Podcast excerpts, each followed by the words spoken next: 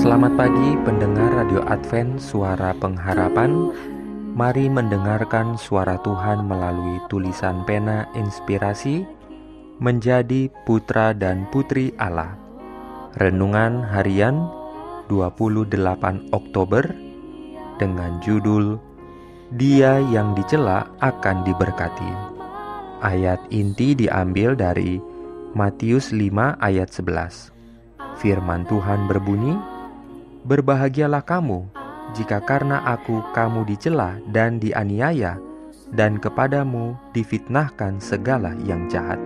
Mungkin Yesus datang pagi Urayanya sebagai berikut.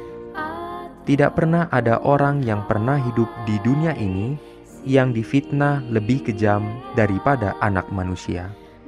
Dia dicemooh dan diejek karena ketaatannya yang teguh pada prinsip-prinsip hukum kudus Allah. Mereka membenci dia tanpa alasan, namun dia berdiri dengan tenang di hadapan musuh-musuhnya, menyatakan bahwa celaan adalah bagian dari warisan orang Kristen, menasihati para pengikutnya bagaimana menghadapi panah kedengkian, meminta mereka untuk tidak jatuh karena penganiayaan. Sementara fitnah dapat mencemarkan reputasi, itu tidak dapat menodai karakter. Karakter ada dalam pemeliharaan Tuhan.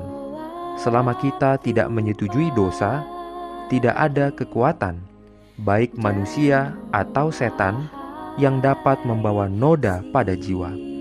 Seorang yang hatinya tertuju pada Tuhan akan tetap sama di saat-saat pencobaannya, yang paling menyengsarakan dan lingkungan yang paling mengecilkan hati, maupun ketika dia berada dalam kemakmuran, ketika cahaya dan karunia Allah tampaknya ada di atasnya. Kata-katanya, motifnya, tindakannya mungkin salah diartikan dan dipalsukan, tetapi dia tidak keberatan karena dia memiliki kepentingan yang lebih besar yang dipertaruhkan. Seperti Musa, dia bertahan sebagai melihat dia yang tidak terlihat. Kristus mengenal semua orang yang disalahpahami dan disalah mengerti oleh manusia. Anak-anaknya sanggup menunggu dengan sabar dan percaya, tidak peduli seberapa banyak difitnah dan dihina, karena tidak ada rahasia tidak akan dinyatakan, dan mereka yang menghormati Tuhan akan dihormati olehnya di hadapan manusia dan malaikat. Ketika orang-orang akan mencela kamu dan menganiaya kamu, kata Yesus, bersukacita dan bergembiralah. Upahmu besar di surga. Dari mereka yang menjadi saksi bagi Kristus mengalami penganiayaan dan celaan. Sementara orang-orang mencari kebaikan duniawi, Yesus mengarahkan mereka kepada upah surgawi. Tetapi dia tidak menempatkan semuanya dalam kehidupan yang akan datang.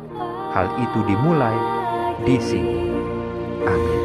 ataupun hari siang